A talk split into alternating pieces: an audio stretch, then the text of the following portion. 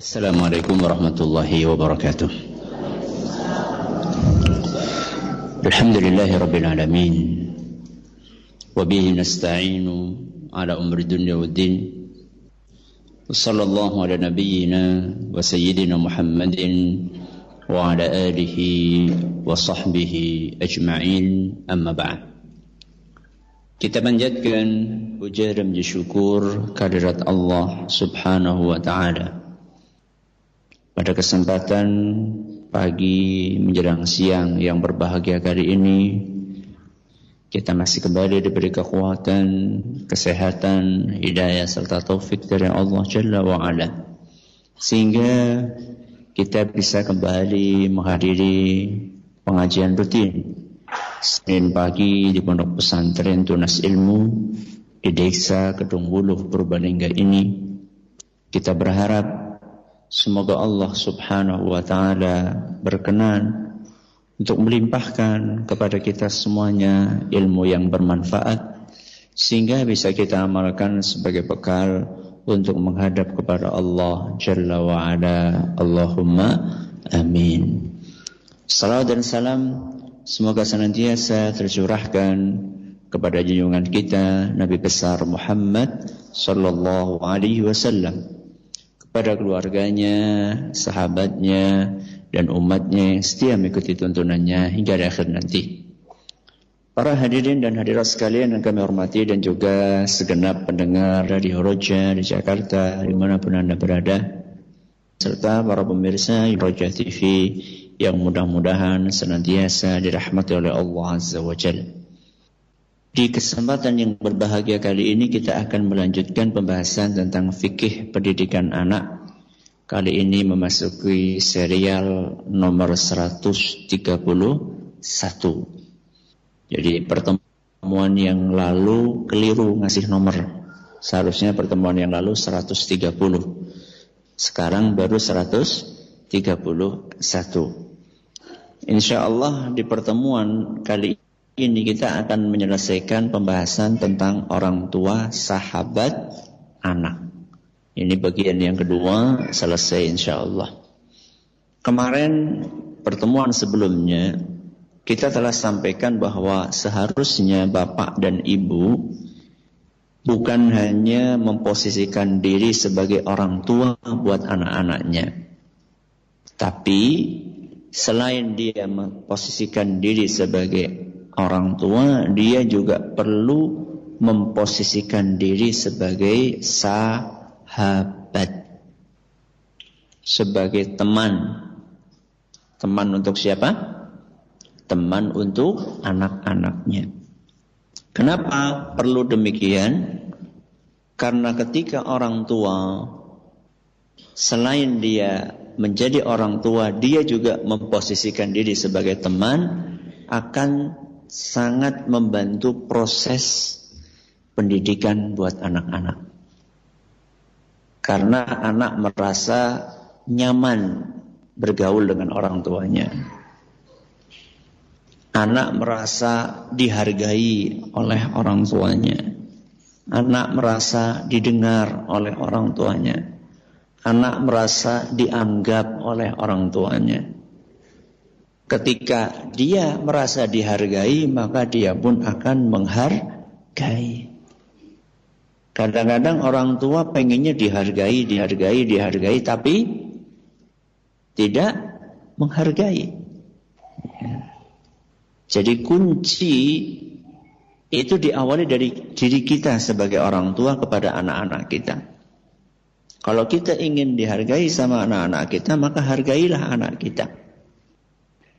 Menghargai anak itu tidak mesti kok kemudian anak balik jadi orang tua. Bukan. Menghargai anak itu adalah dengan ketika dia bicara, kita nopo? Kita dengarkan. Ketika dia memberi usul, seburuk apa pun usulan itu, kita dengarkan, kita hargai, kita apresiasi.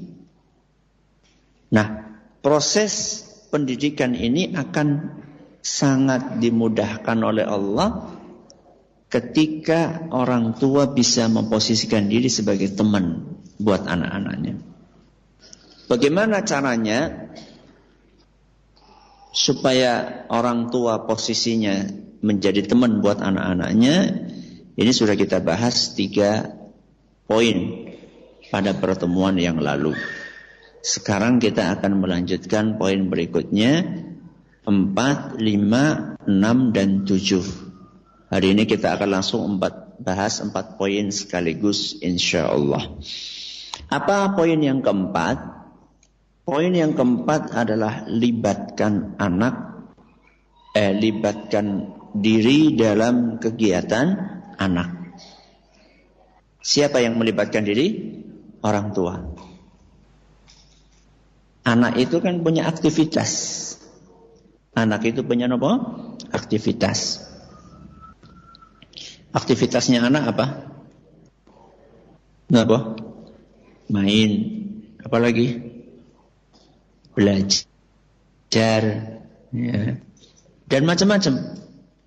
Anak itu sampai kadang-kadang kita merasa kaya orang anak, kaya orang anak, keselek. Ya. Kita yang orang tua sudah merasa capek banget, anak masih tulon. Jadi dia itu banyak aktivitasnya. Nah, dia berarti punya kegiatan. Bagaimana supaya kita bisa jadi teman anak kita? Aktifkan kita, libatkan kita dalam kegiatan anak. Loh, napa iku kapan masake? kapan pahale? Ya. ya tidak harus 24 jam. Ya. Ketika ada waktu-waktu kosong, kita libatkan diri kita dalam kegiatan anak. Kenapa Kok kita perlu melibatkan diri dalam kegiatan anak? Urgensinya itu apa? Pentingnya itu apa? Kok kita perlu ikut-ikutan dalam kegiatan anak? Pentingnya kita jadi bisa memahami apa yang disukai oleh anak dan apa yang tidak disukai oleh anak. Wah, gampang Ustaz, tinggal tanya aja sama anak kita. Kok seneng apa, orang seneng apa? Belum tentu. Gak segampang itu.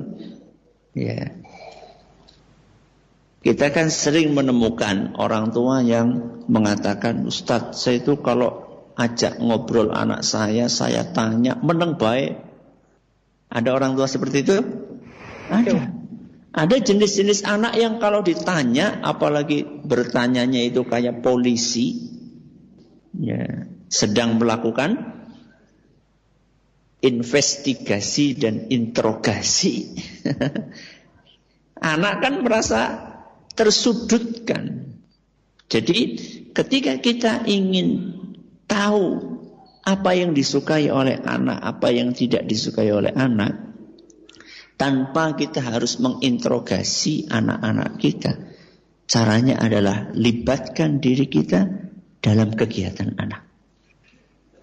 Ketika kita ikut main bersama anak-anak kita, ketika kita menemani anak kita belajar dengan telaten, dengan sabar, maka kita akan faham seperti apa sih karakter anak kita. Kelebihannya apa, kekurangannya apa. Kemudian kita juga jadi faham apa yang disukai, apa yang tidak disukai. Jangan dipikir kita punya anak tiga, itu semuanya karakternya sama. Bisa jadi anak yang pertama beda dengan anak yang kedua, anak yang kedua beda dengan anak yang ketiga. Jangankan anak yang jaraknya tiga tahun, tiga tahun misalnya. Anak pertama umur 10 tahun, Jarak tiga tahun, anak kedua umur pinten? Tujuh tahun. Jarak tiga tahun lagi, anak yang ketiga umur empat tahun misalnya. Jangan dipikir, uh, jangan jangankan anak yang beda umurnya tiga tahun, yang kembar saja, yang beda lahirnya antara dua anak ini cuma beda menit. Jangan dipikir kembar ini akan sama karakternya. Walaupun mungkin bentuk nopo nih fisiknya mungkin mirip. Irunge, matane, rambute, dhuwure, kulite itu sama, belum tentu sifatnya bakalan sama. Maka cara kita mendidik untuk anak yang pertama belum tentu cocok cara itu untuk diterapkan guna mendidik anak yang keberapa? Yang kedua belum tentu. Padahal ramane karo biyunge pada ya. Bapaknya sama, ibunya sama, tapi masya Allah sing nomor sisi cerewet banget. Sing nomor loro meneng banget. Padahal ramane karo biyunge apa? Cerewet dua-duanya atau meneng dua-duanya? Mungkin bapaknya menengan di pendiam, ibunya banyak ngomong. Anak yang pertama ikut ibunya, anak yang kedua ikut bapaknya. Tapi Ustadz, kalau misalnya bapak ibunya sama-sama cerewet, kok anaknya ada yang pendiam. Ini nyontoh siapa Ustaz? Mungkin saja nyontoh baik. Ya. Atau mungkin bukan baik tapi nyontoh buyute. Kan sangat mungkin.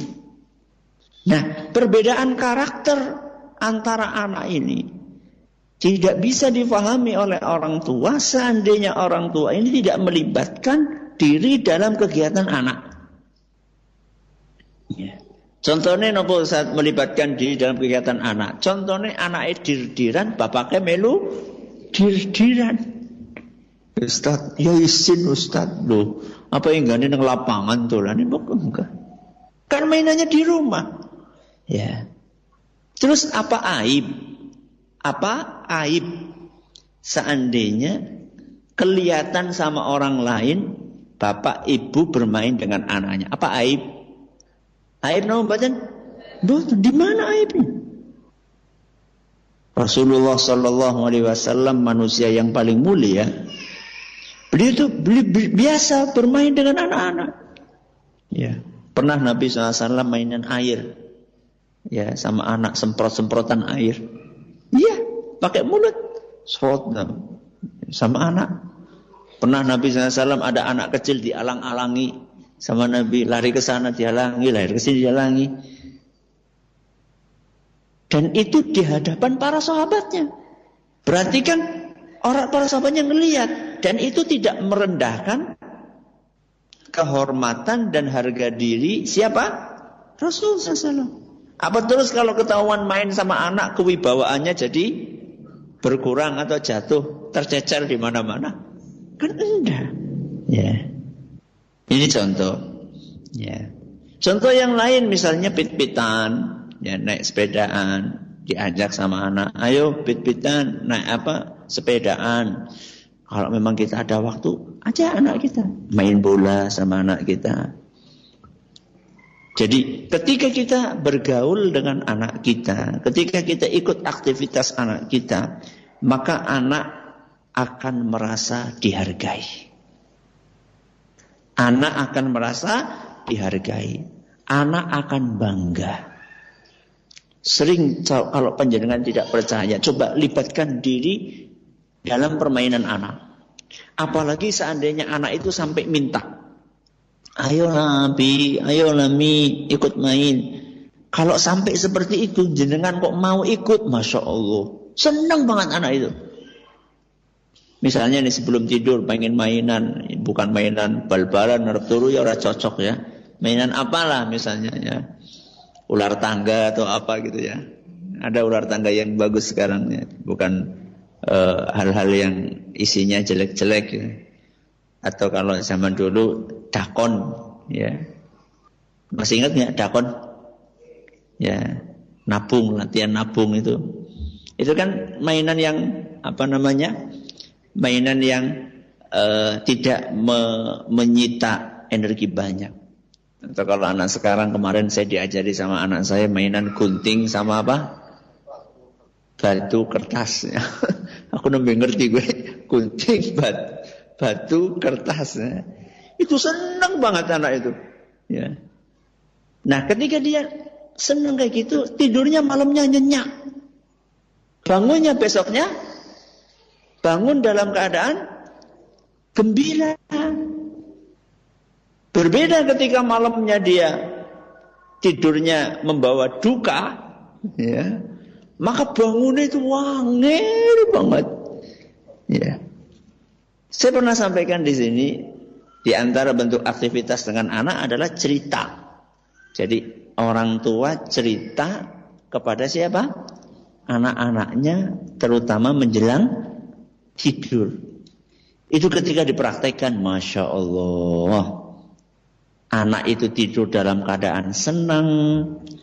Ketika dia tidur dalam keadaan senang, tidurnya nyenyak.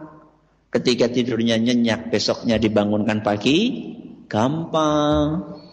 Suasananya mood, ya, bombong. Beda ketika dia tidurnya dalam keadaan marah, sedih, ya. Tidurnya jadi nggak nyenyak, bangunnya jadi sulit. Ya. Ini adalah Faktor yang keempat. Apa faktor yang keempat? Libatkan diri dalam kegiatan anak. Faktor yang kelima, berikan penghargaan dan hukuman. Napa? Penghargaan dan hukuman. Kenapa kok perlu ada penghargaan dan hukuman? Karena anak kita kan manusia biasa kadang melakukan kesalahan dan kadang melakukan hal-hal yang baik. Contoh, melakukan kesalahan, disuruh belajar, terus gak mau belajar. Ya. Anak jenengan pernah kayak gitu? Anak jenengan pernah kayak gitu? Pernah apa sering? Sering, ya. Konsinau angel banget, kontolanan sergap banget. Ya. Itu berarti anak sedang melakukan sebuah kekurangan yang tidak baik. Tapi di suatu saat, masya Allah, anak ini nurut bagus. Belum disuruh mandi sudah mandi. Belum disuruh ke masjid sudah berangkat ke masjid. Belum disuruh belajar sudah belajar. Nah, anak ini kan dong-dongan. Kadang Masya Allah, kadang Na'udzubillah. ya. Kadang Masya Allah, kadang Inna Lillah. Ya. Nah, ketika ada kondisi-kondisi seperti ini, maka orang tua itu perlu memberikan penghargaan saat anak baik dan perlu memberikan hukuman ketika anak tidak baik. Ya. Ada penghargaan, ada apa? Hukuman. Dan ketika kita bicara tentang penghargaan, itu tidak kok identik dengan bikin sertifikat penghargaan. Bukan seperti itu. Ya. Penghargaan ini bisa berupa apresiasi dengan kata-kata. Pujian buat anak. Ya. Kemudian ungkapan kasih sayang dengan pelukan. Ya. Dengan kita elus kepalanya penuh kasih sayang. Atau suatu saat kalau memang ada duit, ya, kita belikan sesuatu yang disukai oleh anak kita. Ini penghargaan. Sehingga ketika anak melakukan sesuatu yang baik, keberhasilan, keberhasilan itu tidak selalu ranking satu gitu loh. Keberhasilan itu tadi saya kasih contoh, belum disuruh mandi sudah nopo mandi. Belum disuruh berangkat ke masjid sudah berangkat ke masjid. Nggak disuruh tidur siang sudah tidur siang. Nggak disuruh ngaji, sudah ngaji. Ini adalah keberhasilan. Ketika anak melakukan keberhasilan, maka kita perlu untuk menghargai keberhasilan dia. Apa efeknya kalau kita hargai? Maka anak akan lebih semangat untuk melakukan kebaikan. Ya. Gak usah anak kecil lah, kita saja. Kita nih, kalau habis melakukan kebaikan, kemudian ada orang mengatakan, Masya Allah, matur nuwun. Ya, saya sangat terbantu. Itu kan kita semangat. Contoh ya, saya kasih contoh. Jenengan ngirimi tetangga makanan. Kemudian tetangga itu matur nuwun, masya Allah enak banget masakannya.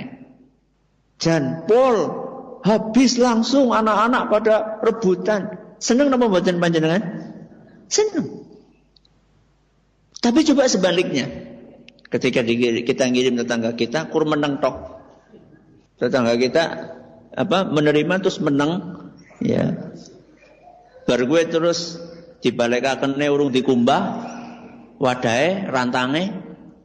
Habis itu kemudian ngomong nyelekit. Masakan kayak gini, enak kirim. Kemudian jenengan bu, besok ngirim lagi?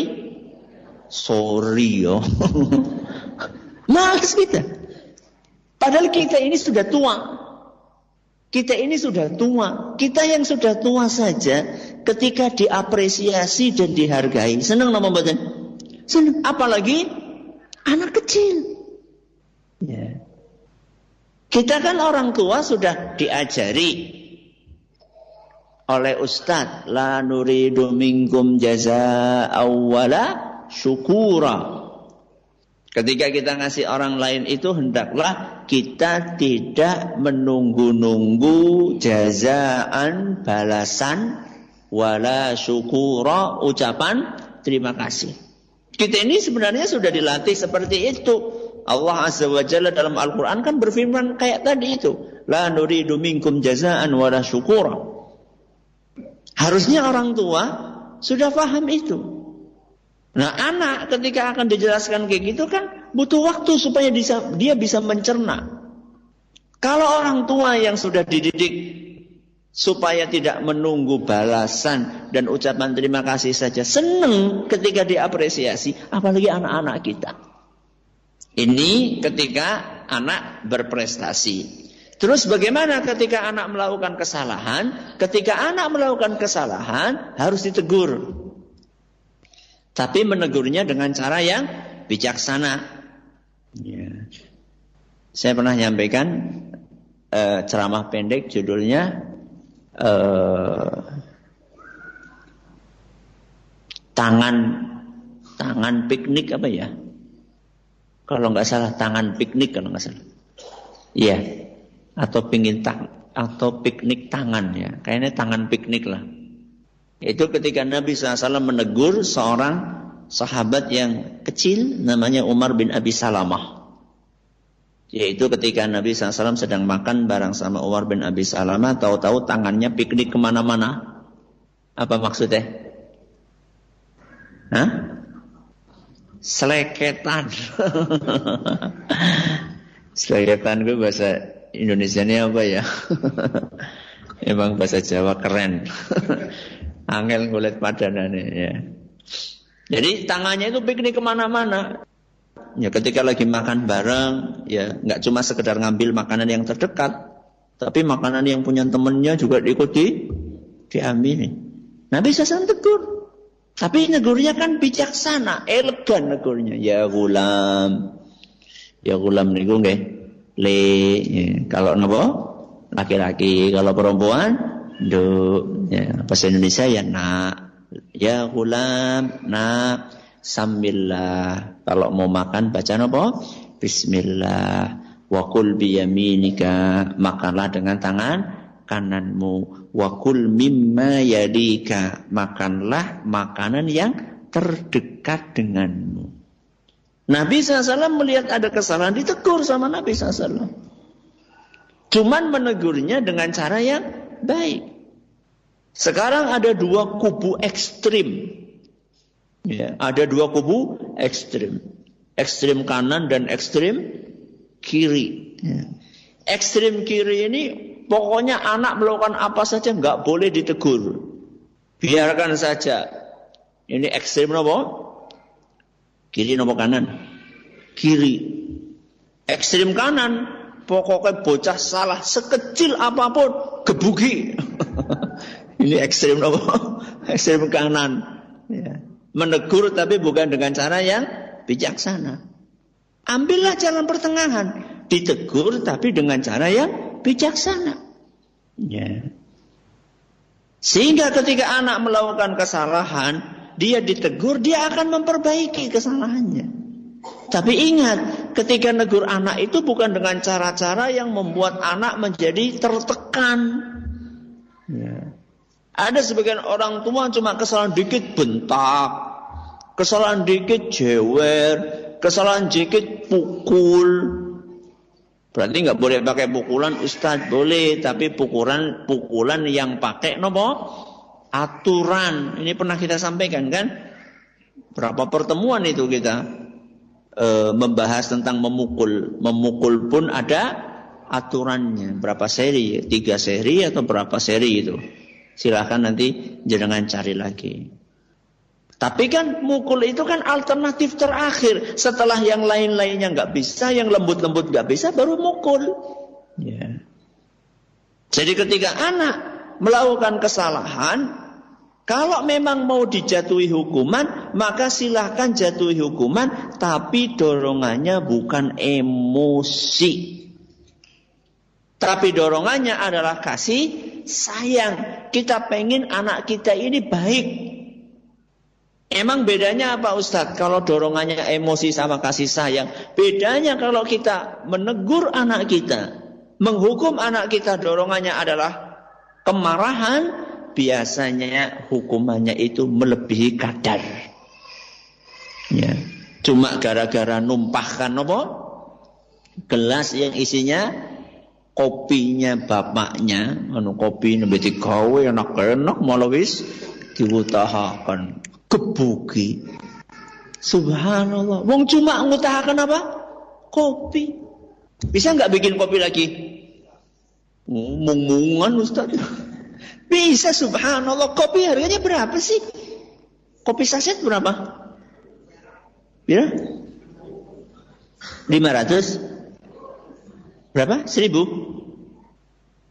Seribu nggak? Ini pada orang ngopi apa mau esok? Oh puasa. seribu lah. Seribu subhanallah, seribu. Coba ketika anak kita kita gebuki nanti biru-biru biaya dokter pila. Ya. Mendingan kita beli kopi baru lagi. Itu ketika kita kasih hukuman dasarnya emosi.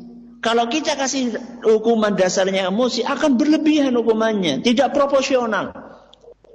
Dan efeknya anak akan dendam. Nauzubillah min dzalik. Maka tidak sedikit anak yang ketika kecilnya sering dipukuli nanti begitu besarnya oh ini sih gantian ya bapaknya yang dulu perkasa tambah nopo tambah lemah anaknya yang dulu lemah tambah perkasa kesempatan untuk balas dendam. Nauzubillahimin dzalik. Ini adalah poin yang keberapa? Yang kelima. Poin yang keenam, cara kita memberikan uh, cara kita menjadi sahabat buat anak adalah dengan memberikan kepercayaan kepada siapa? Kepada anak. Apa maksudnya? Memberi kepercayaan kepada anak. Maksudnya, berikan kesempatan kepada dia untuk melakukan hal-hal yang bisa dia lakukan sendiri, lakukan sendiri.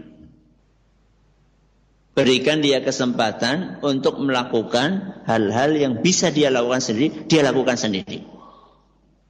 Mulai dari anak kecil. Ya, contoh, Anak ketika sudah mulai bisa megang, ketika dia diajak makan, dia akan megang apa? Sendoknya sendiri, betul? Walaupun mungkin megangnya masih kebalik ya kudune sing dicekel gagange malah itunya yang dipegang akhirnya kan nggak bisa bisa ataupun kalau misalnya anak sudah bisa megang yang benar masih karena motoriknya belum kuat ya saraf-sarafnya belum kuat masih tumpah-tumpah nggak apa-apa ya lebih baik anda itu telaten untuk membersihkan lantai daripada anak ini tidak diberi kepercayaan untuk melakukan sesuatu yang bisa dia lakukan. Ya. Anak misalnya dia gambar. Jangan langsung didikte. Biarkan dia berkreasi dulu. Ketika anak mulai nanya, ini kalau langit sih warnanya apa? Ya, ketika dia gambar pemandangan gunung dua terus apa? Ada jalan di tengah, kanan kiri nopo? Sawah, di atas ada matahari di tengah. Terus ada awan. Itu kan sudah uh, baku nggih. gambar baku. Ketika dia gambar kayak gitu kemudian dia pengen kasih warna awan atau pengen kasih warna langit. Dia misalnya pakai warna apa saja biarin aja dulu, enggak apa-apa. Suatu saat kalau dia nanya kepada orang tuanya, Mi, Bu, ini kalau misalnya langit warnanya apa? Nah saat itu baru kita kasih masukan. Coba kamu lihat tuh. Coba tuh, lihat lewat pintu tuh jendela tuh. Langit warnanya apa? Ireng. Oh, lagi mendung. ya, biasanya langit itu biru, nak. Ya, kasih biru caranya. Sehingga anak itu merasa dia dipercaya. Kalau dia merasa dipercaya, maka akan muncul kemandirian dan kepercayaan diri yang tinggi. Ada dua tipe orang tua yang saya katakan tadi bertolak belakang. Ada ekstrim kanan sama ekstrim kiri. Ada orang tua yang punya sifat terlalu preventif dan ada orang tua yang punya sifat terlalu permisif. antara preventif kali nopo permisif. Nopo niku? Is gampangane kayak kie. Ada orang tua apa-apa ora oli. Ada orang tua apa-apa ulih. Paham bu? Ada orang tua apa-apa oli ada orang tua apa-apa orang oli apa-apa oli itu ekstrim kiri apa-apa orang oli itu ekstrim kanan sing bener sing pundi? Ekstrim kanan atau ekstrim kiri? Yang tengah-tengah. Ada sebagian orang tua terlalu preventif. Apa-apa nggak boleh apa-apa nggak boleh. Ya. Sehingga anak ini sangat tergantung kepada orang tuanya. Ya. Kadang-kadang ada anak cuma mau mandi saja, pakai sabun yang mana tanya, ya. Pakai sikat yang mana tanya, pakai baju warna apa tanya. Akhirnya orang tuanya sendiri yang kerepotan. Anak jadi nggak punya, uh, tidak punya ke, kemampuan untuk memilih. Karena terlalu ini nggak boleh, ini harus kayak gini, terlalu banyak aturan. Padahal sebenarnya ada hal-hal yang merupakan ruang buat anak supaya dia bisa berkreasi. Milih baju misalnya. Ya, suatu saat anak mau milih, biarin aja milih. Ya. Walaupun mungkin pilihannya kadang-kadang mandan ya, aneh ya. Jokot kelambi hijau, celana abang, topi kuning. Kita partai gitu. Itu proses, ya, itu proses anak. Nanti lama-lama dia mungkin mematut-matutkan diri di depan apa? Di depan kaca, ya. Tidak apa-apa, biarkan dulu. Nanti sedikit-sedikit kita arahkan. Nah, kalau pilih baju tuh yuk, kira-kira yang kayak gini nih warnanya. Coba lihat nih, Api pakainya kayak gini, Umi lihatnya kayak gini. Coba lihat ini. Ini kan warnanya cocok, enak dilihat oleh mata. Tapi beri kesempatan anak untuk berkreasi. Jangan terlalu preventif, apa-apa enggak boleh. Sebaliknya, Terlalu permisif juga nggak baik. Apa-apa boleh, nggak pakai aturan. Jaluk apa boleh, nggak boleh seperti itu juga. Anak minta apa saja dikasih. Permen warna hijau, wah, warna biru, wah. Warnanya abang kasih kuning. Akhirnya ilate abang hijau kuning. Ya. Kan ada sekarang ya. Bahkan bukan hanya permen ya, minuman yang bikin apa? Bikin mulutnya jadi warnanya orang genah menjadi banget nek melet kan? Ini nggak nggak bagus juga. Makanya yang bagus adalah yang pertengahan. Ya. Kita beri kepercayaan anak untuk melakukan hal-hal yang mampu dia lakukan, tapi tetap dengan arahan dan pengawasan dari siapa? Orang tuanya. Tapi ketika kita melihat anak ini sudah melakukan hal-hal yang berbahaya, atau melakukan hal-hal yang melanggar agama, maka di sinilah peran orang tua untuk menegur anak. Ini yang keenam. Yang terakhir, yang ketujuh, jadilah teladan bagi siapa? bagi anak. Sahabat anak, orang tua yang menjadi sahabat anaknya, perlu untuk bisa memberikan masukan kepada anak. Ketika anak melakukan hal-hal yang keliru, orang tua perlu kasih masukan. Nah, ketika orang tua kasih masukan, biar masukannya diterima, orang tua harus jadi teladan. Supaya omongannya ini didengerin sama anak. Contoh, Jenengan ngajak anak ngaji. Ayo le ngaji. Jenengan kalau nggak pernah ngaji, nggak pernah baca Al-Quran, anak itu akan sulit menerima nasihat. Karena anak itu pada dasarnya manusia secara umum pada dasarnya makhluk yang suka niru. Manusia aslinya makhluk yang suka nopo niru. Ketika anak melihat orang tuanya nyontoni yang baik-baik, insya Allah anak itu akan nyontoh baik. Sekarang kalau misalnya kita sering marahi anak kita, nak tulanan HP baik, betul? Ternyata orang tuanya ya pada baik, nggak bisa lepas dari HP. Sulit anak untuk menerima nasihat orang tuanya. Loh, orang tuanya juga HP yang terus. Diajak ngobrol malah matane. Ke mana? Ke HP. Ya. Anaknya cerita panjang, lebar. Wong tuane kur mantuk, mantuk, mantuk. Setelah selesai, mau cerita apa le? ya. Gimana anak itu mau menerima nasihat orang tuanya?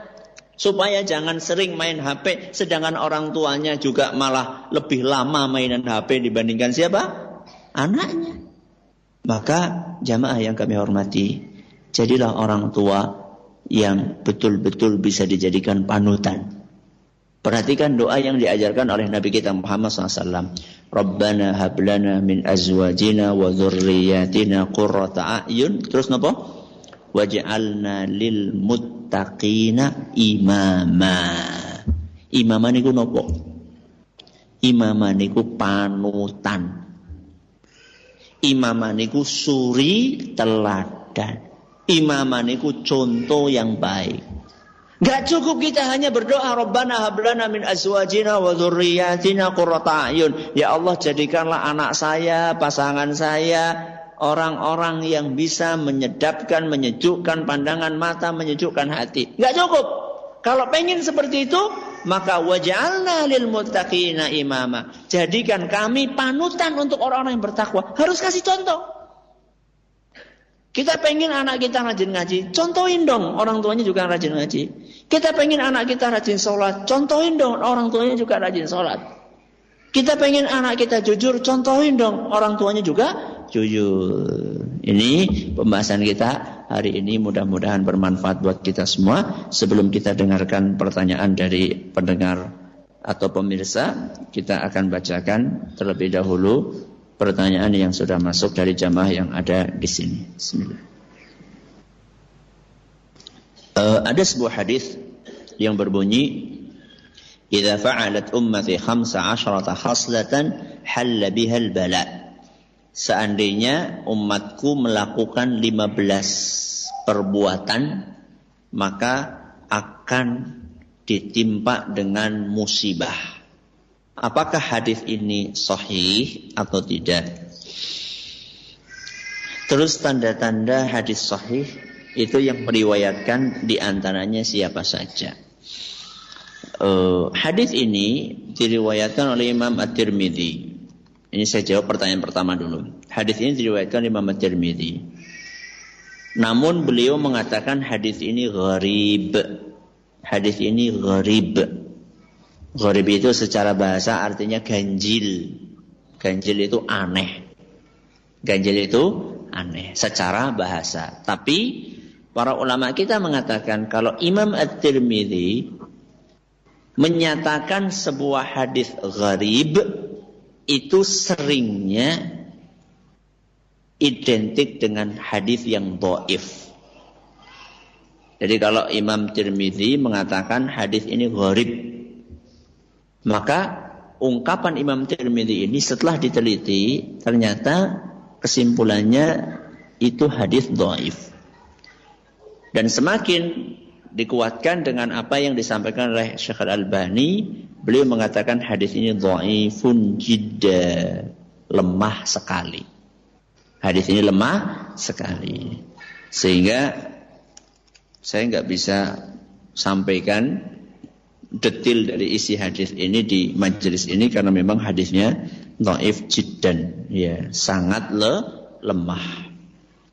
Kemudian tanda-tandanya hadis sahih siapa yang meriwayatkan? Ya kalau umumnya ya yang sahih Imam Bukhari, kemudian Imam Muslim.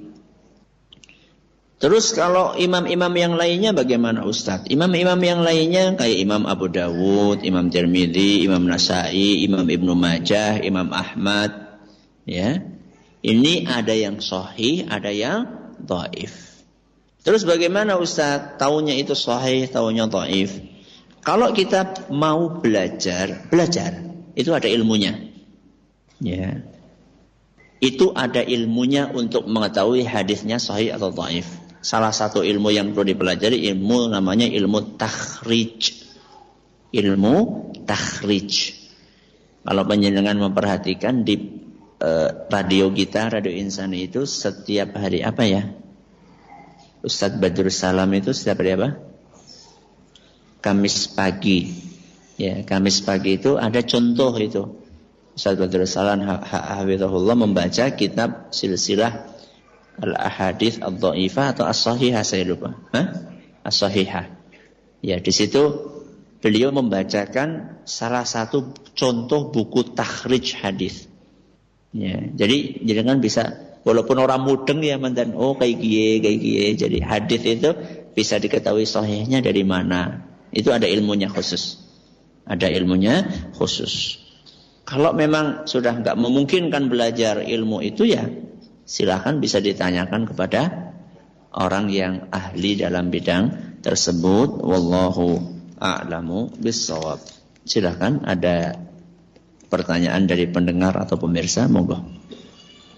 Nah, baik Ustaz, terima kasih atas penyampaian materi yang disampaikan di kesempatan pagi menjelang siang yang sangat bermanfaat berkenan dengan silsilah fikih pendidikan anak nomor 131 orang tua sahabat anak bagian kedua. Baik Ustadz, kita akan bacakan pertanyaan yang pertama Datang dari Ahmad di Selawi Tegal. Assalamualaikum Ustadz. Waalaikumsalam warahmatullahi wabarakatuh. Bagaimana cara memotivasi anak agar lebih semangat untuk belajar di pondok pesantren? Dan bagaimana agar anak mau belajar ilmu agama? Mohon nasihatnya Ustadz Bagaimana caranya supaya anak semangat belajar di pondok pesantren Caranya ada yang sifatnya teori ada yang sifatnya praktek. Yang sifatnya teori, Anda jelaskan kepada anak kenapa kita perlu belajar agama. Jelaskan dari Al-Quran, dari hadis Nabi SAW, bahwa orang-orang yang belajar agama itu akan dicintai oleh siapa? Oleh Allah. Akan diangkat derajatnya oleh Allah kemudian akan didoakan oleh para malaikat. Lalu sampaikan hadis orang yang belajar agama akan dimudahkan jalan ke mana? Ke surga. Sampaikan ini secara teori. Sehingga anak itu tahu bahwa sekarang dia belajar seperti ini, dia akan diuntungkan baik di dunia maupun di di akhirat. Sebaliknya kalau dia tidak belajar agama maka dia akan rugi di dunia maupun di akhirat. Jelaskan, ini namanya teori. Yang kedua praktek. Praktek ini Anda ketika pengen masukkan anak ke pesantren, itu jangan ujuk-ujuk. Ujuk-ujuk itu begitu tamat kelas 6 langsung lebokakan pesantren. Sebelumnya nggak pernah sama sekali anak ini tahu apa pesantren. Sebagian orang tua ini pengennya apa-apa instan. Karena anaknya kayak mie. Ya, kayak kopi, kopi instan, mie instan.